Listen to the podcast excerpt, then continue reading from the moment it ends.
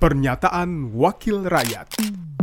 Pernyataan Edi Wuryanto, anggota Komisi 9 DPR RI, fraksi PD Perjuangan, daerah pemilihan Jawa Tengah 3, saat rapat kerja Komisi 9 DPR RI dengan Menteri Ketenagakerjaan mengenai pastian pelindungan dan kesejahteraan sosial bagi pekerja sebagaimana diatur dalam Perpres nomor 36 tahun 2023 tentang peta jalan jaminan sosial tahun 2023-2024. Rabu 27 September 2023. Coba kita lihat misalnya harusnya PMI ini juga wah wajib memperoleh JKK, JKM, JHT, jaminan pensiun kalau misalnya dan jaminan kehilangan pekerjaan.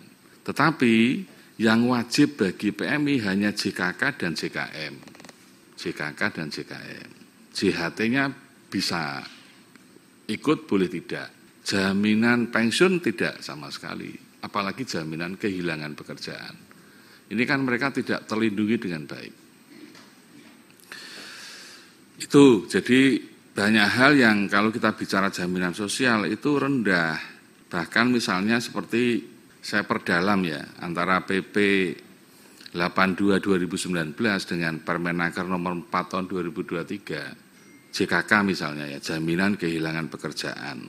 Mestinya orang PMI kita yang mengalami kecelakaan kemudian dia tidak bekerja, dia mestinya mendapat santunan upah 100% selama setahun. Dia kerja di luar negeri, dia mengalami kecelakaan kerja, lalu tidak bisa bekerja, mestinya dia dapat upah penuh selama 12 bulan. Mestinya. Lalu kalau ini saya kaitkan dengan PP nom, uh, sorry Permenaker nomor 4 tahun 2023 ini tampaknya belum diatur aturan tentang JKK itu. Meskipun di PP 82 2019 itu sudah diatur.